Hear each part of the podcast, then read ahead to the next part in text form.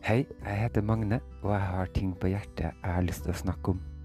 Velkommen til formiddagsprat med Magne.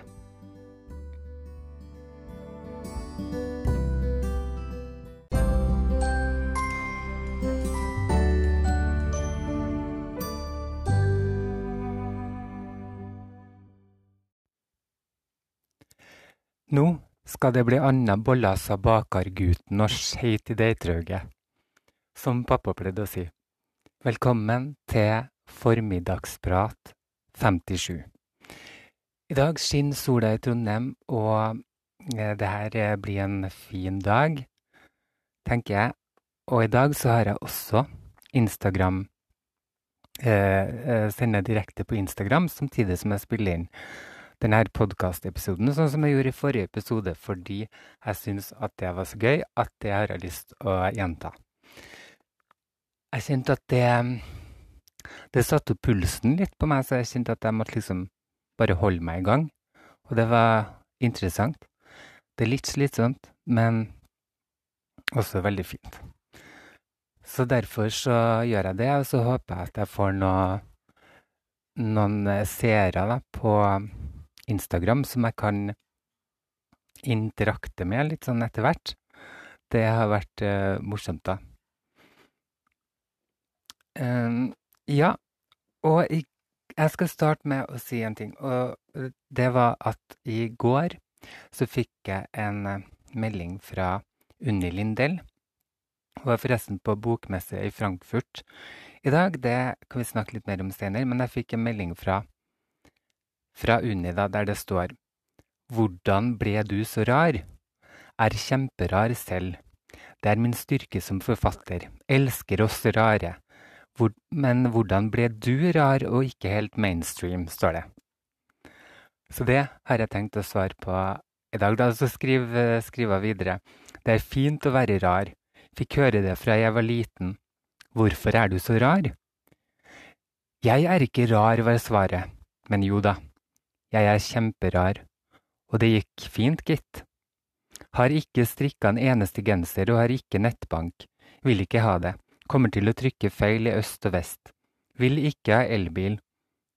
Orker ikke. Verste jeg vet er stikkontakter. Uh, så rar er jeg altså. Skriv uh, Unni Lindell. Og det første som slår meg da, det er det at det at hun ikke strikka en eneste genser uh, For eksempel syns ikke jeg er noe rart. Uh, heller ikke det at du ikke har nettbank eller eh, ikke vil ha elbil og sånn. Jeg syns ikke det er så veldig rart, kanskje. Men, men det her er jo et definisjonsspørsmål, da, hva det er som gjør deg rar, og hva betyr egentlig rar? Er du utafor, eller er, det, er du spennende, eller Ja, det er vanskelig å si. Og så fikk jeg, skrev jeg også noen meldinger med en annen Unni i sted, og jeg ser deg nå. Du ser på Unni Askeland. Den store, nydelige kunstneren vår. Eh, og da spurte jeg henne hva, det som, eh, hva gjør deg rar, spurte jeg. Og da svarte Unni alt jeg lever med, rundt ved siden av og i hodet. Jeg er skrullete. Ha-ha. Men jeg er jo ikke så verst. Nei, du er ikke så verst. Uh, hva med deg? Er vi ikke alle rare? skriver hun. På dansk er rar positivt, skriver Unni. Ok, betyr dansk positivt? Altså ordet positivt? Eller er det, er det at det å være rar er positiv. I hvert fall, for meg så er rar et sånn positivt Eller det er begge deler. Det er både positivt og negativt lada, tror jeg. Um, ja, og tilbake til spørsmålet hvorfor er du så rar? Så Unni Lindell syns tydeligvis at jeg er rar, da. og det er jeg jo. Det syns jeg jo at jeg er, og det håper jeg jo at jeg er. Jeg har lyst til å være litt rar. Men så begynte jeg å tenke litt på det. Hva er jeg egentlig rar, og hvorfor er jeg det? Um,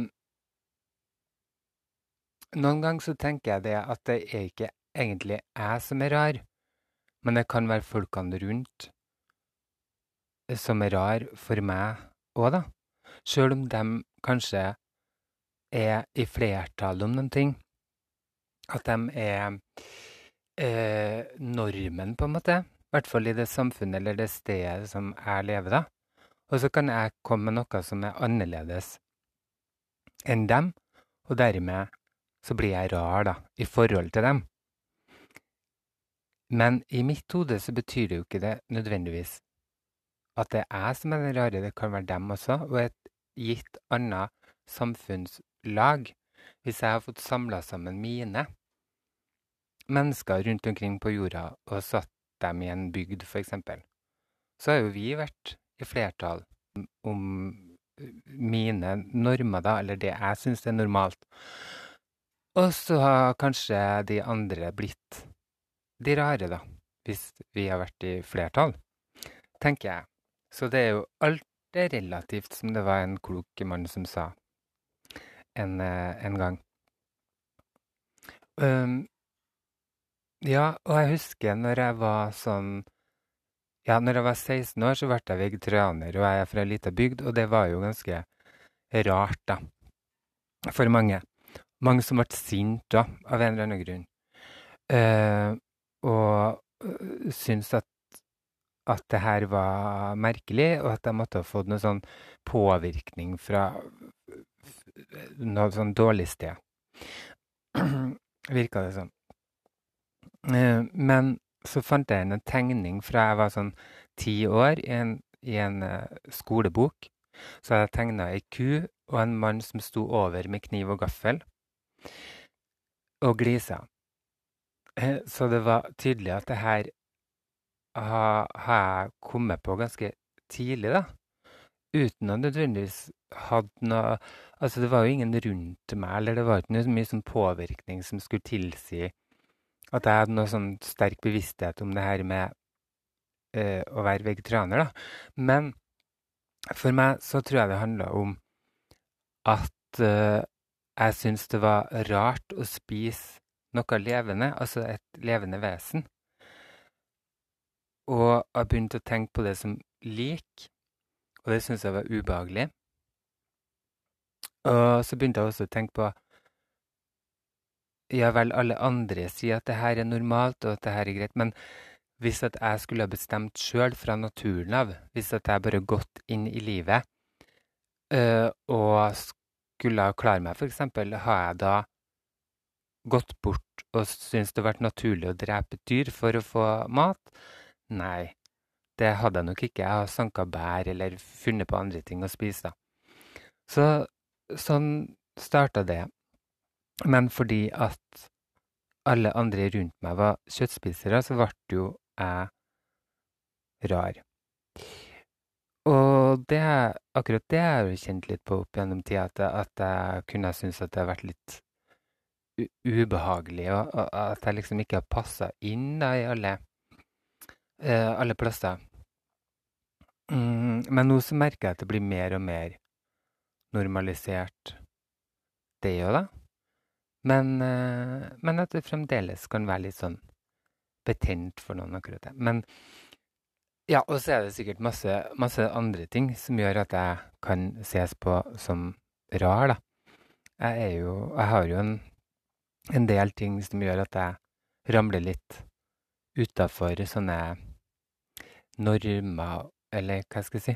Nå har noen skrevet noe her. Eh, ja, Unni som driver og svarer. Det hadde jeg. Jeg er ikke sikker på hva du svarte på ennå, eh, Unni. Men eh, det er artig at du følger med. Ja, jeg snakker om det å være rar, ja. Um, ja, og nå for tida så føler jeg også det at folk har så mye meninger om alt mulig hele tida. Hva som er rett og galt. Hva de takler og ikke. Uh, hva de syns om folk med og uten sokker i sandaler, f.eks. Hvor ofte man uh, burde skifte truse, og hvordan man skal stå og gå, og hvor lang tid man skal bruke på å svare på en tekstmelding. Og så det er alt mulig sånn, sånn sterke meninger da, som blir ytra i hytt og pine, kanskje fordi vi lever i et sånt samfunn med eh, podkaster og Facebook og liksom alt mulig der vi kan få ytre meningene våre.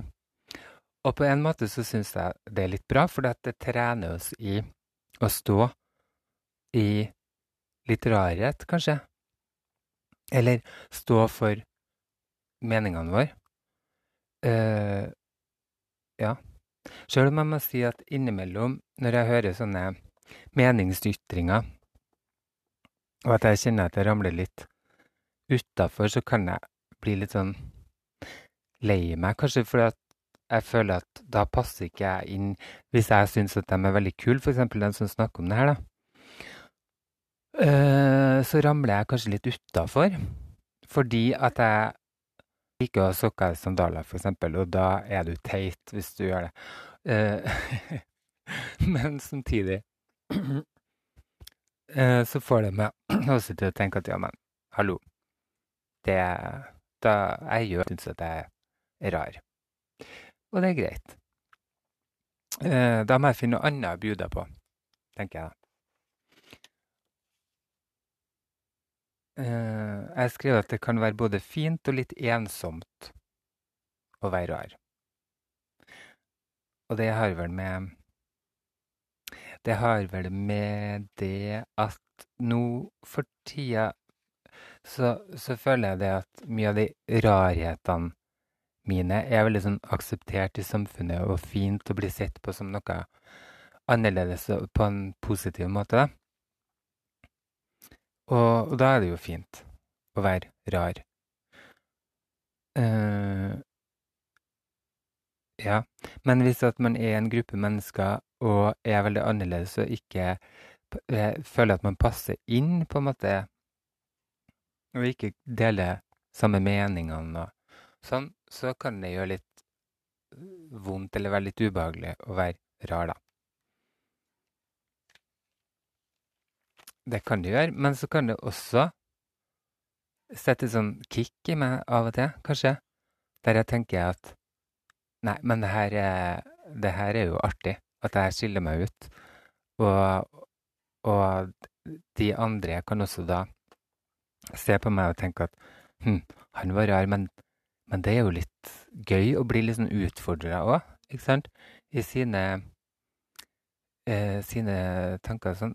Nå kom det en sånn melding her. Det var Unni Lindell som, som sendte en eller annen sånn reaksjonsmelding.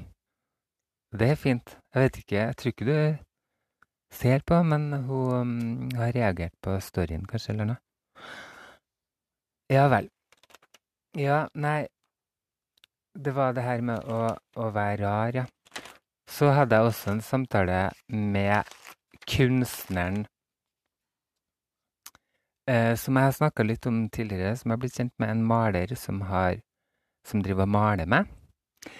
Eh, og som har nå blitt en venn. Jeg liker han så godt. Vi hadde lang eh, chattesamtale om det her med å være rar, da. Og da sier jeg noe sånn som at eh, rar for meg kan også bety noe som gjør personen enten morsom eller interessant. Og Ja, og da svarte eh, Jeg kaller den kunstneren, jeg. Um, at uh, ja, det her mente han var en gullåre av tanker, da, akkurat det det der med at rarhet er nettopp det som gjør en person enten morsom eller interessant. Og da fant jeg også jeg fant en artikkel et sted som jeg syns var litt fin. da. Og der sto det å være rar er en bivirkning av å være eksepsjonell. Var ikke det fint? Å være rar er en bivirkning av å være eksepsjonell. Og eh, man prøver å forklare det da videre i artikkelen. Uh, her står det blant annet Briljans er ikke så vanlig i dagens verden. Dette er fordi mennesker først og fremst mangler mot, snarere enn dyktighet. Personen som våger å være rar, som nyter hvert øyeblikk slik de er, oppnår sann autentisitet. Der har vi det, tror jeg, Unni Askeland. Eh, hørte du det? Eh, at eh, At du beveger deg inn i den briljante verden. Eh, ja. Fordi mennesker først og fremst mangler mot noe som ikke du mangler, tror jeg. Unni Askeland, du kjører på mangler mot snarere enn dyktighet. Ja, for det er veldig mange som er dyktige. Vi er flinkis-samfunn og sånn. Men av og til så mangler vi kanskje mot å gå imot denne dyktigheten, f.eks., og kanskje følge mer sånn følelser og ja, drifter og sånn som kanskje kan gjøre ting litt sånn spennende og krydre krydre opp litt. Eh, ja, det står videre. Vi lever i en virkelighet der den måten du kler deg på, er mer verdsatt enn hvem du er. Dette er blitt forklart mange ganger i løpet av et konsept som stammer fra Sigmund Baumann, en kjent sosiolog som definerer samfunnet vårt som et flytende samfunn i gåseøyne. Uh, og der skriver han um, det her flytende samfunnet, da, de fleste blir dominert av emosjonelt forbruk og materialisme. Vi tar oss knapt tid til å møte folk vi kommer i kontakt med. Raske relasjoner og øyeblikksgleder er normen. Så videre. Å være annerledes skaper fremmedhet og mistenksomhet fordi det ikke er normen, og passer dermed ikke inn i den samfunnsmodellen som sier at vi ikke bør forlate våre komfortsoner og i stedet bli ledet av trender, hva andre velger og hva vi forbruker. I en verden av mennesker som er identiske, kommer den virkelige verdien fra å være i stand til å ha sin egen stemme. Ja, det her er fint, syns jeg. Og um, eh, Ja, og så sa jeg også der at man kan få følelsen av å ikke passe inn når man er rar. Og da står det i den artikkelen her dette er meningsløse årsaker til lidelse som man bør lære å ignorere.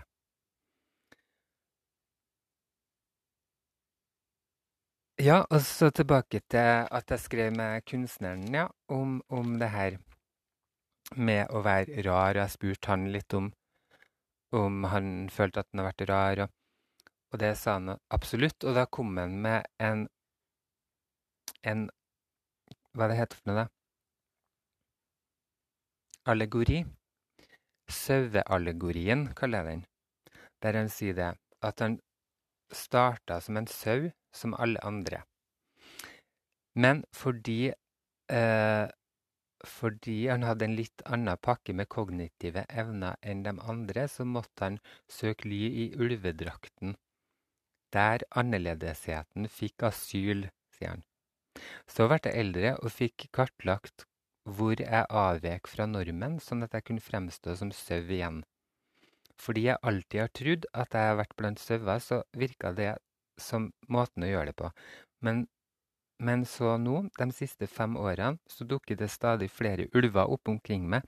Og ulver i denne metaforen, de tåler sauer, og jeg kan nå henge med begge deler, sier han da. Det var hans måte å, å forklare sin reise i rarheten på.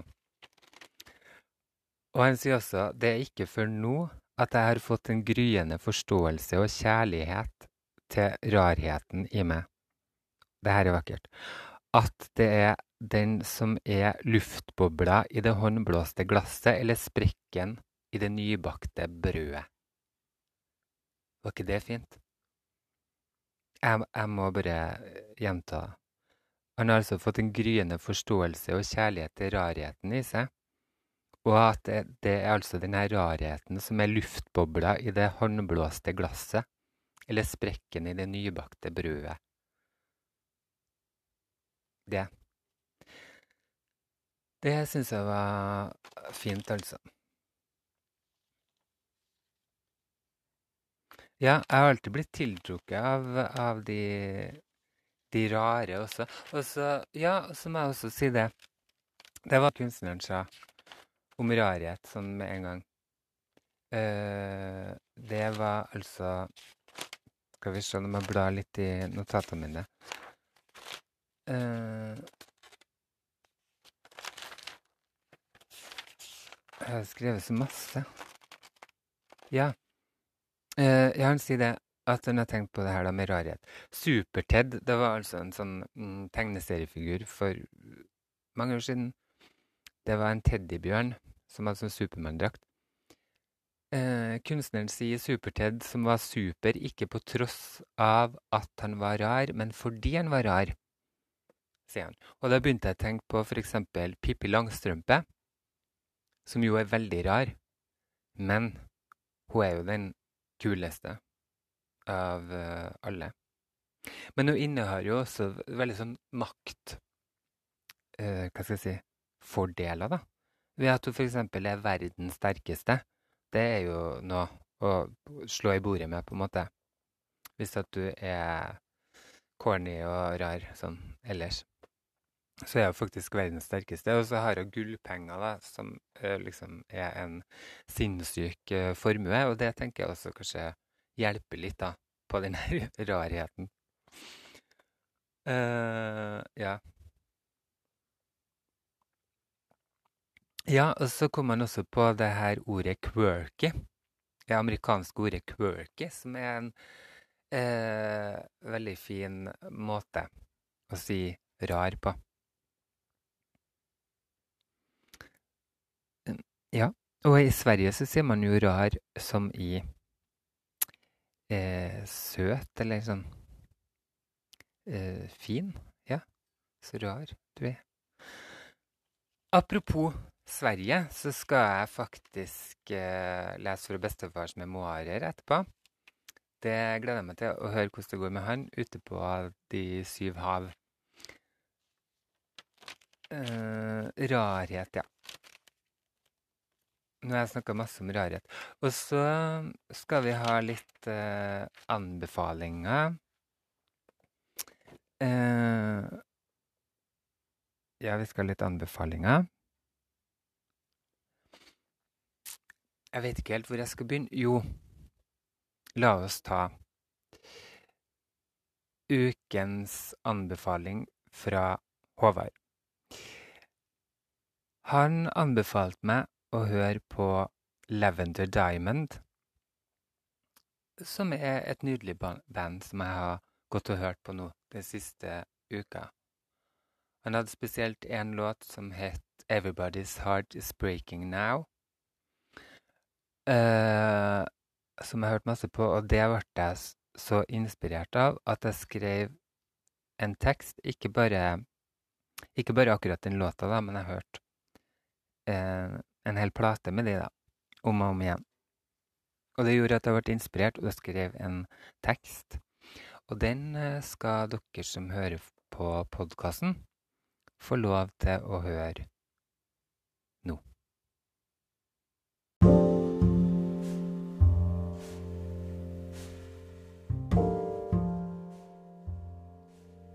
Dagen er slitsom for deg. Regninga må betales. Det krever stadig noe av deg. Du forlater eller blir forlatt. Og du er aleine når det blir natt. Det er for lite eller for mye. Det er for vondt eller for godt. Det er for pent eller for stygt. Hytte, hus, brakke eller slott. Av og til kommer du på at innimellom alt det her ligger de små oksygenboblene. Klemmen fra en venn, meldinga fra noen du liker, bollen i ovnen, katten i fanget. Og dagen er god for deg. Det er klemmer som må klemmes, kjærlighetsbrev som må skrives, boller som må bakes og katter som må klappes. Helt til du kommer på at innimellom alt det her, så ligger det små, svarte flekker. Regninger som må betales, ting som kreves. Du må forlate eller bli forlatt, og du er alene igjen når det blir natt.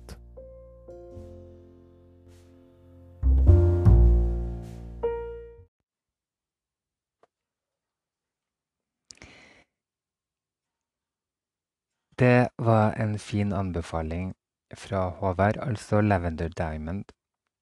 Jeg skal anbefale noen ting også, fordi at Kari Bremnes har nettopp kommet ut med tre nye sanger, og jeg elsker Kari Bremnes. Jeg føler at hun favner om så mye, og hun, eh, hun treffer så mye forskjellige mennesker òg. Og jeg tror det er mange som har fått trøst i rarheten sin av Kari Bremnes. Det vil jeg tørre å tro. Um, jeg hørte et intervju med henne nettopp på uh, Bra damer-podkasten med Guri Solberg. Og der sa hun jo utrolig mye fint, da. Uh, blant annet så sa hun at hun syns at vi skal forstyrre hverandre mer. Og da var det snakk om det at når man er syk, f.eks., eller ja øh, Ja, blir syk, hun har vært uh, kreftsyk, f.eks., så er det mange som blir redd for å øh, tilnærme seg det. Eller snakke om det, eller ja, ikke vil forstyrre henne, da. Eh, fordi at det blir kanskje for skummelt eller for sånn vanskelig. Man vet kanskje ikke hva man skal si, eller hva som er riktig og galt å si. Eh, men da sier Kari Bremnes hun syns vi skal forstyrre hverandre mer, og det er jeg faktisk enig, enig i. Jeg har hatt foreldre som har vært på sykehjem og vært, hatt Alzheimer, da. Og da Spesielt pappa, tenker jeg, for han var en sånn sosial eh, type og for rundt og besøkte folk og sånn når han var frisk. Men når han var syk, så merka jeg at folk syntes det var litt sånn vanskelig å, å komme til en, og at det ble litt sånn stivt og rart, og det var ikke kom og besøkte den heller, som vanligvis har hengt masse med. da. Og det tror jeg handler litt om det, at det er mange som syns det er litt eh, litt vanskelig. Kanskje forskjellige grunner man ikke helt vet hvordan man skal oppføre seg. Men det er kanskje også vanskelig å se på at det er noen som endrer seg og blir annerledes og, og sjuk. Da. Det kan være vanskelig. Og så sier Kari Bremnes også at eh, sånn apropos bokmessa nå da, som Unni Lindell er på i um, Frankfurt, så kan vi snakke litt om bøker, da. Og, og Kari Bremnes sa at hun holder på å lese eh, bok av eh, Marguerite Dura som heter 'Sommerregn', tror jeg. Og si, Kari Bremnes sier hun skriver så vakkert, hun skriver med nervesystemet, sier hun. Og da kom jeg på at jeg har jo bok av Marguerite Dura som eh, Unni Lindell har anbefalt meg. Det er en av hennes yndlingsbøker som heter For å skrive. Jeg har den på dansk, da. Fant den. Og jeg har så vidt begynt å lese den, og jeg skjønner greia, på en måte. Det er veldig poetisk og sterkt. Eh, så den har jeg tenkt å lese etter hvert. Akkurat nå så har jeg vært så innmari inn i inn i miljøet, holdt jeg på å si, atmosfæren til Nesov-folket, som Anne B. Ragde skriver om i bøkene sine. Nå har det vel kommet eh, seks før den, nå den sjuende, eller sier jeg feil nå, kanskje? Berlinerpoplene, remittkrepsene, Ligge grønne enger. Og så har du Alltid tilgivelse, Liebhaverne. Ja, og så kommer datteren nå. Så nå nettopp da, så har jeg lest ferdig Libaberne på nytt, fordi at jeg skal forberede meg på denne nye boka da, som heter 'Datteren'. Og jeg kjenner at jeg bare blir nesten kvalm av eh, hva skal jeg si, forventning. For det er litt sånn Jeg har bare så lyst til å være i den nesovbobla hele tida. Så jeg skulle ønske at jeg, at jeg aldri tok slutt av de bøkene. For det er altså så nydelige, fine bøker. Så kom jeg på Husker dere, eller er det noen som hadde sånne minnebøker på når du var liten? Så husk, jeg husker vi hadde da, før den der skoledagbøkene kom, kom, der vi skulle skrive inn sånne felt, eller sånn fylle ut. Så hadde vi bøker med blanke ark, der folk måtte skrive forskjellige vers og dikt og sånn. Og da var det mange som, som gikk igjen hele tida. Og, og, plutselig så kom jeg på en av de som pleide å stå i nesten alle minnebøkene i min tid. Og det er et fint lite vers. Det går sånn Tro ikke alt hva du hører, si ikke alt hva du vet. Da sparer du mange bører på sinn og samvittighet. Bam! Det var en liten sånn eh, Hva skal jeg si eh, Visdomsord fra gamle dager. Så jeg har også skrevet ned en uh, setning fra en av Kari Bremnes sine sanger som jeg bare syns var så fin. Dagen er en vilje, natta er en bønn. Det syns jeg var fint. Dagen er en vilje, natta er en bønn. Kan du få sagt det, Kari?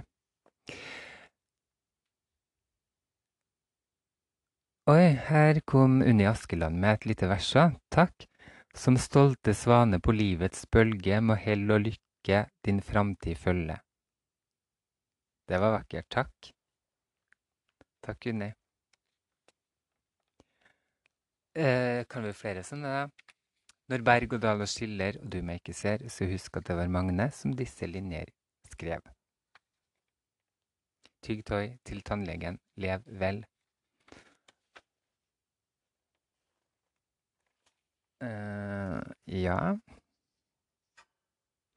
Jeg fikk noen sånne spørsmål fra noen andre på Instagram, da. Eller jeg spurte vel om temaet jeg kunne snakke om. Og da fikk jeg forskjellige ting, men jeg lurer på om jeg skal spare det litt. For nå føler jeg at jeg har snakka en god stund om det å være rar. Uh, så de her temaene som jeg har fått, har jeg lyst til å bruke litt sånn lengre tid på. da. Men jeg kan jo nevne det at Sander uh, ville at jeg skulle snakke om hat og sex. Jeg er litt sånn usikker på om det er hat for seg og sex for seg, eller at det er en kombo, på en måte. Men Eller om det var hatsex. Jeg er ikke sikker. Men kan snakke om begge deler. Uh, Emilie vil jo selvfølgelig at jeg skal snakke om kjærlighet, som alltid. Blir aldri lei av kjærlighet. Men det må jeg si at i denne rarhetssnakket uh, mitt, så har jeg indirekte snakka ganske mye om kjærlighet, vil jeg si. Kjærlighet til seg sjøl, kjærlighet til andre. Det er jo kjærlighet. Og um, Aurora nevner det her med mørketid. Hvorfor endrer vi oss? Hvorfor blir mange deprimert? Hva skyldes det? Det kan vi snakke litt mer om når mørketida kommer til å komme hardt og brutalt nå.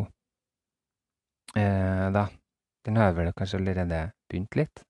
Kjenner jo litt på det, at det blir litt sånn trutt. Men jeg passer på å ta masse D-vitaminer. Jeg lurer på om det kanskje hjelper. For jeg føler meg ikke så groggy og, og trøtt, egentlig, så kanskje det hjelper det med D-vitaminer. Jeg har også notert det at for jeg fant Det kom opp sånn her Facebook eh, et år siden-greie. Og da hadde jeg et prosjekt mm, der jeg skulle finne ut om hvordan man skal drikke konjakk med eggeplomme. Fordi at eh, Lars Saabye Christensen skrev et dikt om en farmor som drakk konjakk med eggeplomme hver søndag. Og da ble jeg så inspirert at jeg hadde lyst å finne ut av det, da, og kanskje til og med begynne med det. Å drikke konjakk og eggeplomme hver søndag. Det høres bare så fint ut å ha en sånn rituale, da. Um, men jeg vet ikke helt om jeg, hva jeg kom fram til. da. Det finnes jo forskjellige oppskrifter som blir sånn eggnog-aktig uh, greie. Men jeg tror at du rett og slett kan ta en eggeplomme, piske den, og så helle oppi konjakk. Og da det That's it. Enkelt og greit.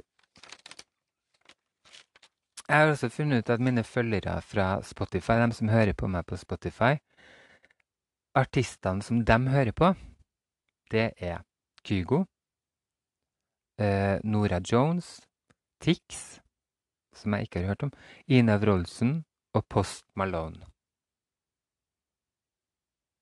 Ja, det gjør at jeg er nødt til å sjekke ut. Eh, Kygo kjenner jeg til litt. Ina Wroldsen vet jeg godt hvem er. Nora Jones har jeg vært innom. Tix vet jeg ikke. Post Malone vet jeg ikke. Så det, det må jeg sjekke.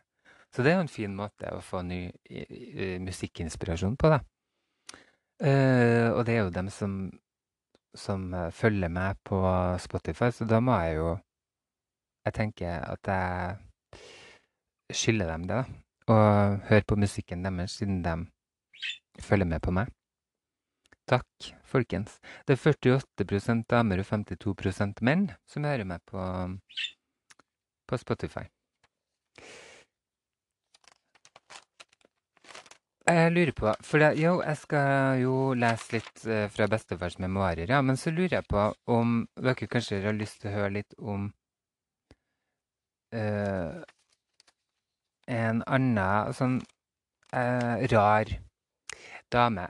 vi vil kalle henne rar, kanskje, men på det mest mulig negative måten. For hun damen her kom utrolig skjevt ut, kan man si, i livet, da. Jeg har bare lyst å fortelle sånn litt om henne. Bell Gunnes, som da er eh, en av verdens eh, Hva skal man si berømte massemordere. Hun var fra Trøndelag i sør... Nei, var det Sør-Trøndelag? Selbu, i hvert fall. Ja, så er jo verdenskjent for det, da. At hun har eh, drept sinnssykt mye mennesker. Vi laga en liten eh, monolog, eller en forestilling, om henne på teaterfestival på Frosta for en uh, stund siden. Og da, det var da jeg liksom satte meg litt inn i, i historien hennes, da. Og noe av det som vi får høre, det vet man jo ikke helt om er vandrehistorier, eller om det er hva som er virkelig og sånn. Men eh, det, det er bl.a. funnet 80 brev eh, som hun har eh, korrespondert med en, eh, en, mann, da, der de har fått veldig mye eh, info. Eh, men hun, i hvert fall så vokste hun på en veldig fattig husmannsplass. da. Og fikk etter hvert jobb på en rikere gård, der hun ble forelska i en en av de guttene der, da. Mener at det kanskje var odelsgutten. Tør ikke å si det for sikkert. Men i hvert fall så blir det sagt at hun ble gravid med han, og at hun sa det til han på en fest. Og det endte opp med at han sparka henne i magen sånn at hun aborterte. Så det kan jo være en sånn gryende eh, hva skal jeg si, eh, start på det som skjedde, at hun fikk hat for menn. Men det blir sagt senere, for at hun drepte jo unger og damer også. Så det var nok penger som drev henne først og fremst, da. For eh, etter det her uh, incidentet da, med han gutten som sparka henne i magen, så sparte hun penger og reiste til Amerika. Og der eh, kalte hun seg for Bella, da. Og det ble en skrivefeil, så det ble Bell i stedet. Bella Peterson. Og hun gifta seg med en som het Mats Sørensen, eller Sorensen, som var sikkerhetsvakt, og han var fra Drammen. Og de eh, hadde en godteributikk og fikk fire barn. Og det er uvisst om, om det egentlig var ungene hennes, da. To av de her ungene døde av noe mage- og tarmopplegg, kolitt som senere blir sagt at stryknin, eh, altså eh, en gift, da, kunne forårsake mage- og tarmproblemer. Og det, alle de folkene som var drept, hadde eh, sånne forgiftninger i, i arm, da, som ofte ble prøvd å forklare med at, at det var mage- og tarmsykdommer og sånn. Uh, ja, en liten fun fact som jeg lærte meg, da, det var det at uh, de her giftstoffene For jeg lurte på hvor får jeg all den gifta fra? Men det ble sagt at fluepapir, f.eks. på den tida, hvis du koker ned det, så får du arsenikk. Og så har du forskjellige planter, da, sånn som uh, liljekonvaller f.eks., som også har et sånt stoff i seg som er giftig, da. Uh, ja, de hadde godteributikk, ja. Og den brant ned etter hvert, så de fikk forsikringspenger. Og det var vel da at det her forsikringsopplegget gikk opp for Bella, at hun fikk penger hvis ting brant ned eller folk døde. Uh, så mest sannsynlig så fikk hun også forsikringspenger for de barna. Hun tok til seg en fosterdatter. Uh, og så var det sånn at etter at uh, det her uh, godteributikken brant ned, så sa jeg til mannen at du må jo ha høye livsforsikring. Tenk deg hvis det skjer noe med deg, liksom, så sitter jeg igjen med masse barn. Og um, hva skal jeg gjøre da? Du må ha høyere livsforsikring. Han gikk og ordna det. Men før han rakk å avlyse den første livsforsikringa, så døde han. Merkelig nok. Dermed så fikk Bell dobbel forsikring for han mannen. Og da fikk hun noe som tilsvarer to millioner i dagens valuta, da, og kjøpte seg en gård. Eh, der møtte hun Gunnes, Peter Gunnes etter hvert. Og ganske kort tid etter at hun ble sammen med han, så fikk han tilfeldigvis en pølsevannskasserolle over seg og en kjøttkvern i hodet. Eh, ja, og da, eh, etter det, så hadde jo hun godeste Gunnes gått med penger, Digegård og sånn, og begynte å advertere etter menn i aviser, skandinaviske menn, der hun lokka med deilig uh, husmannskost, norsk husmannskost og sånn. Og um, hun hadde regler på hva de skulle gjøre når de kom. Ingen skulle få vite at de var der, det var veldig viktig. De skulle selge alt og ta med seg alle pengene sine, sy det inn i undertøyet sitt, bare for sikkerhets skyld, så det ikke ble, ble frastjålet dem. Og det her høres jo kanskje litt sånn Herregud, hvor dum er du, liksom, som går på det? Men man må huske på at hun var utrolig sjarmerende. Og omstendighetene på den tida, og ikke sant, at det var mye fattigdom, det var lite kvinnfolk eh, tilgjengelig, kanskje. Eh, mange sånne ting som spilte inn, da. Men eh, etter hvert så var det en som var litt skeptisk og ikke fulgte reglene hennes helt, da. Og hadde en bror som fulgte litt opp og sånn, og det eh, endte vel med at eh, eh At det ble litt mer mistenksomhet rundt deg og sånn. Og til slutt så ble hun så pressa at eh, gården hennes brant ned. Og da fant de liket av tre barn og en dame uten hode. Som liksom skulle være Belgunnes, da. Men liket var veldig mye kortere og annerledes eh, kroppsbygning enn hun, og mangla hodet, da. Uh, og det er ingen som vet hva som skjedde med henne etter det. Så det gikk jo masse rykter, og folk så jo noen som de trodde var Bill Gunnes overalt og sånn, da. Men det ble aldri oppklart fullstendig om hun eh, ja, hva som skjedde med henne, da. Ja, var ikke det interessant historie? Massemorderen fra, fra Trøndelag. Ja, det syns jeg virkelig.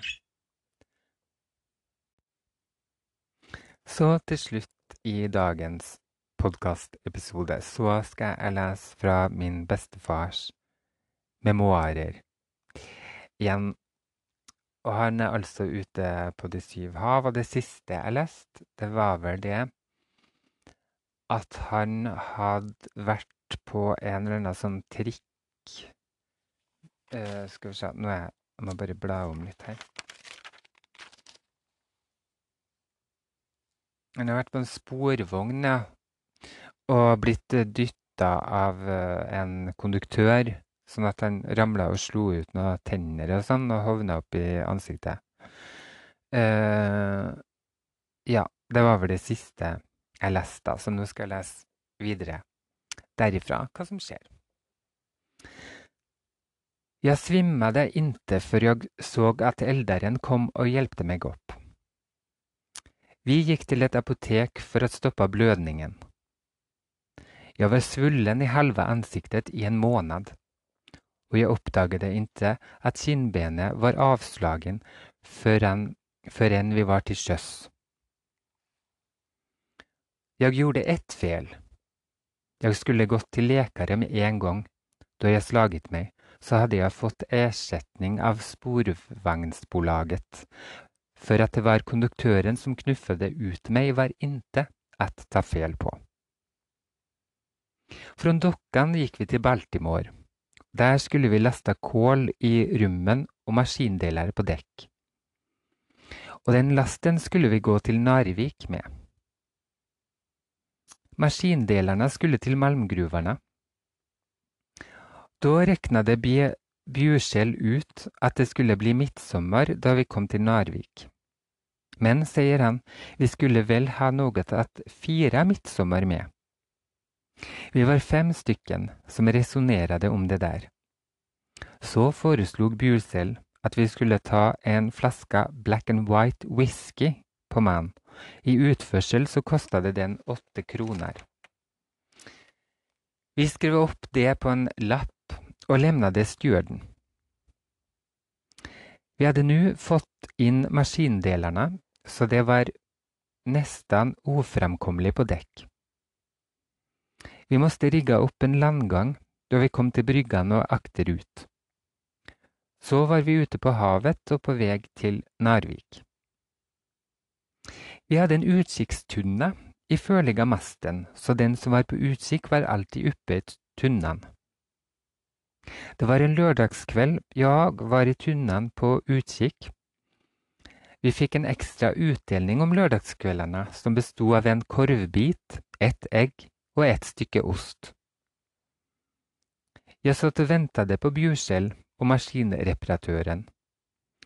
De var fria klokken seks, uh, for de gikk dagvakt, så de skulle vært her for lenge siden. For de bodde midtskjeps i hver sin hytt. Men så fikk jeg høre, igjen, høre grammofonmusikk. Kokken hadde grammofon. Ei, ei, tenkte jeg, da har de nok spretta det en whiskyflaske. Rett som det var så kommer Bjurskjell oppfør den provisoriske landgangen, så forsiktig holdende en tom tallrik i ene handen og stødjende seg på rekket med den andre. Så kom han til å kaste et blikk på tallriken og så at den var tom og bort fløg emaltallriken blant maskingreiorna med et faslig skrammel. Den som hadde rolig, det var jeg, for det, var, det så så komisk ut da han kom balanserende med den tomme tallriken. Han var bra i snusen også. Så kommer den andre kompisen, også han med en tallrik, men han hadde berget alt, til og med egget. Vi hadde fint veder hele resan og Bjurskjell hadde regnet rett. Det var midtsommer når vi kom dit. Men hamnarbeiderne streiket, så vi på dekk og elderne med måste i rummet för att lossa kol, då vi hade lossat maskinerna. De ville ha oss i land til den største handkranen, men det nekade vi. Det fikk styrmennene og maskinistene gjøre. Det var strålende vakkert veder. Vi var oppe på en fjellknatt og så midtsommersolen da den gikk ned til det halve og opp igjen, rød som et eldklåt. Så tok streiken slutt, og vi ble utlossade, og nå forhalade vi til Malmspruterne for å få last igjen, denne gangen til Philadelphia i USA. Vi fikk en ny kaptein, en liten tjukkis med vakkert skjegg. Vi fikk også en ny matros som heter Johansson, og var fra Karlstad i Värmland. Ja, så var vi lastade og på vei ut i Vestfjorden. Sånn, det var altså dagens eh, Dagens uh, utdrag fra bestefars uh, memoarer. Og i dag så er jeg virkelig tatt av på skravlinga, da. Jeg håper at uh, at jeg kom et eller annet fornuftig ut av det. Jeg ble alltid forvirra på slutten sjøl når jeg skravler så mye, om det er bare tull og munderie, eller om det er noe da som kan være av interesse. Uh, men det håper jeg, for guds skyld, at det var. Um, så nei, da tenker jeg faktisk at jeg skal være fornøyd. For nå har altså pulsen vært litt høyere på grunn av det her at jeg sitter med Instagram live foran meg og føler presset. Nå er jeg røyksjuk og ja, trenger å få ned pulsen litt. Grann. Men det har vært fint, syns jeg, å reflektere rundt litt det her med det å være rar. Så har du noen tanker om det, så må du gjerne dele meg med den, sånn som Sandra gjorde her på Instagram Live. Det leste jeg kanskje ikke opp, nei. Hun skriver veldig bra. Jeg har aldri passet inn noen steder. Fant til slutt min klan med mannen min og datteren jeg fødte. Skal vi se Rarhet er de unike som tør å være den de er, sier hun. Det syns jeg var fint sagt. Takk til alle raringene eh, der ute. Og tusen hjertelig takk, alle rare eh, som hører på meg. Da gjenstår det bare å ønske deg alt godt, og tusen takk for at du hørte på. Ha det bra.